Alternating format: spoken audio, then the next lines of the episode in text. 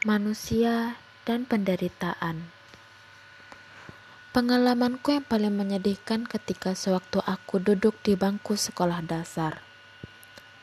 Di sana aku mendapat bulian dari teman seangkatanku. Hanya karena orang tuaku yang kurang mampu. Aku bersekolah di sekolah dasar swasta yang mana rata-rata siswa di sana memiliki perekonomian yang sangat baik. Aku dibully karena tidak memiliki handphone yang bermerek.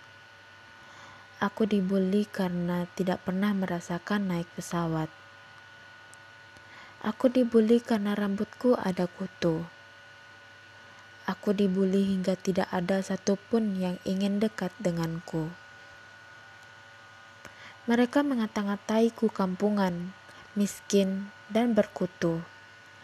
Hingga sampai saat ini aku membenci kerumunan. Aku malu untuk beradaptasi secara langsung. Itu menimbulkan trauma yang amat dalam saat mengingat kejadian itu.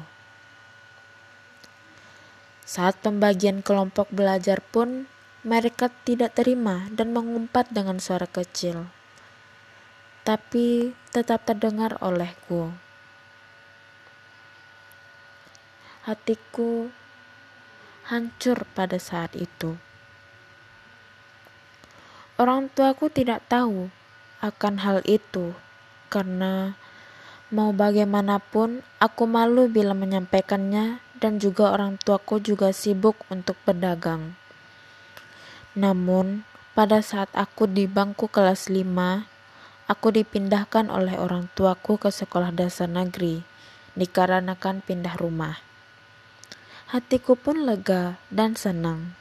Di sana mereka menganggapku sebagai teman, seperti yang lainnya.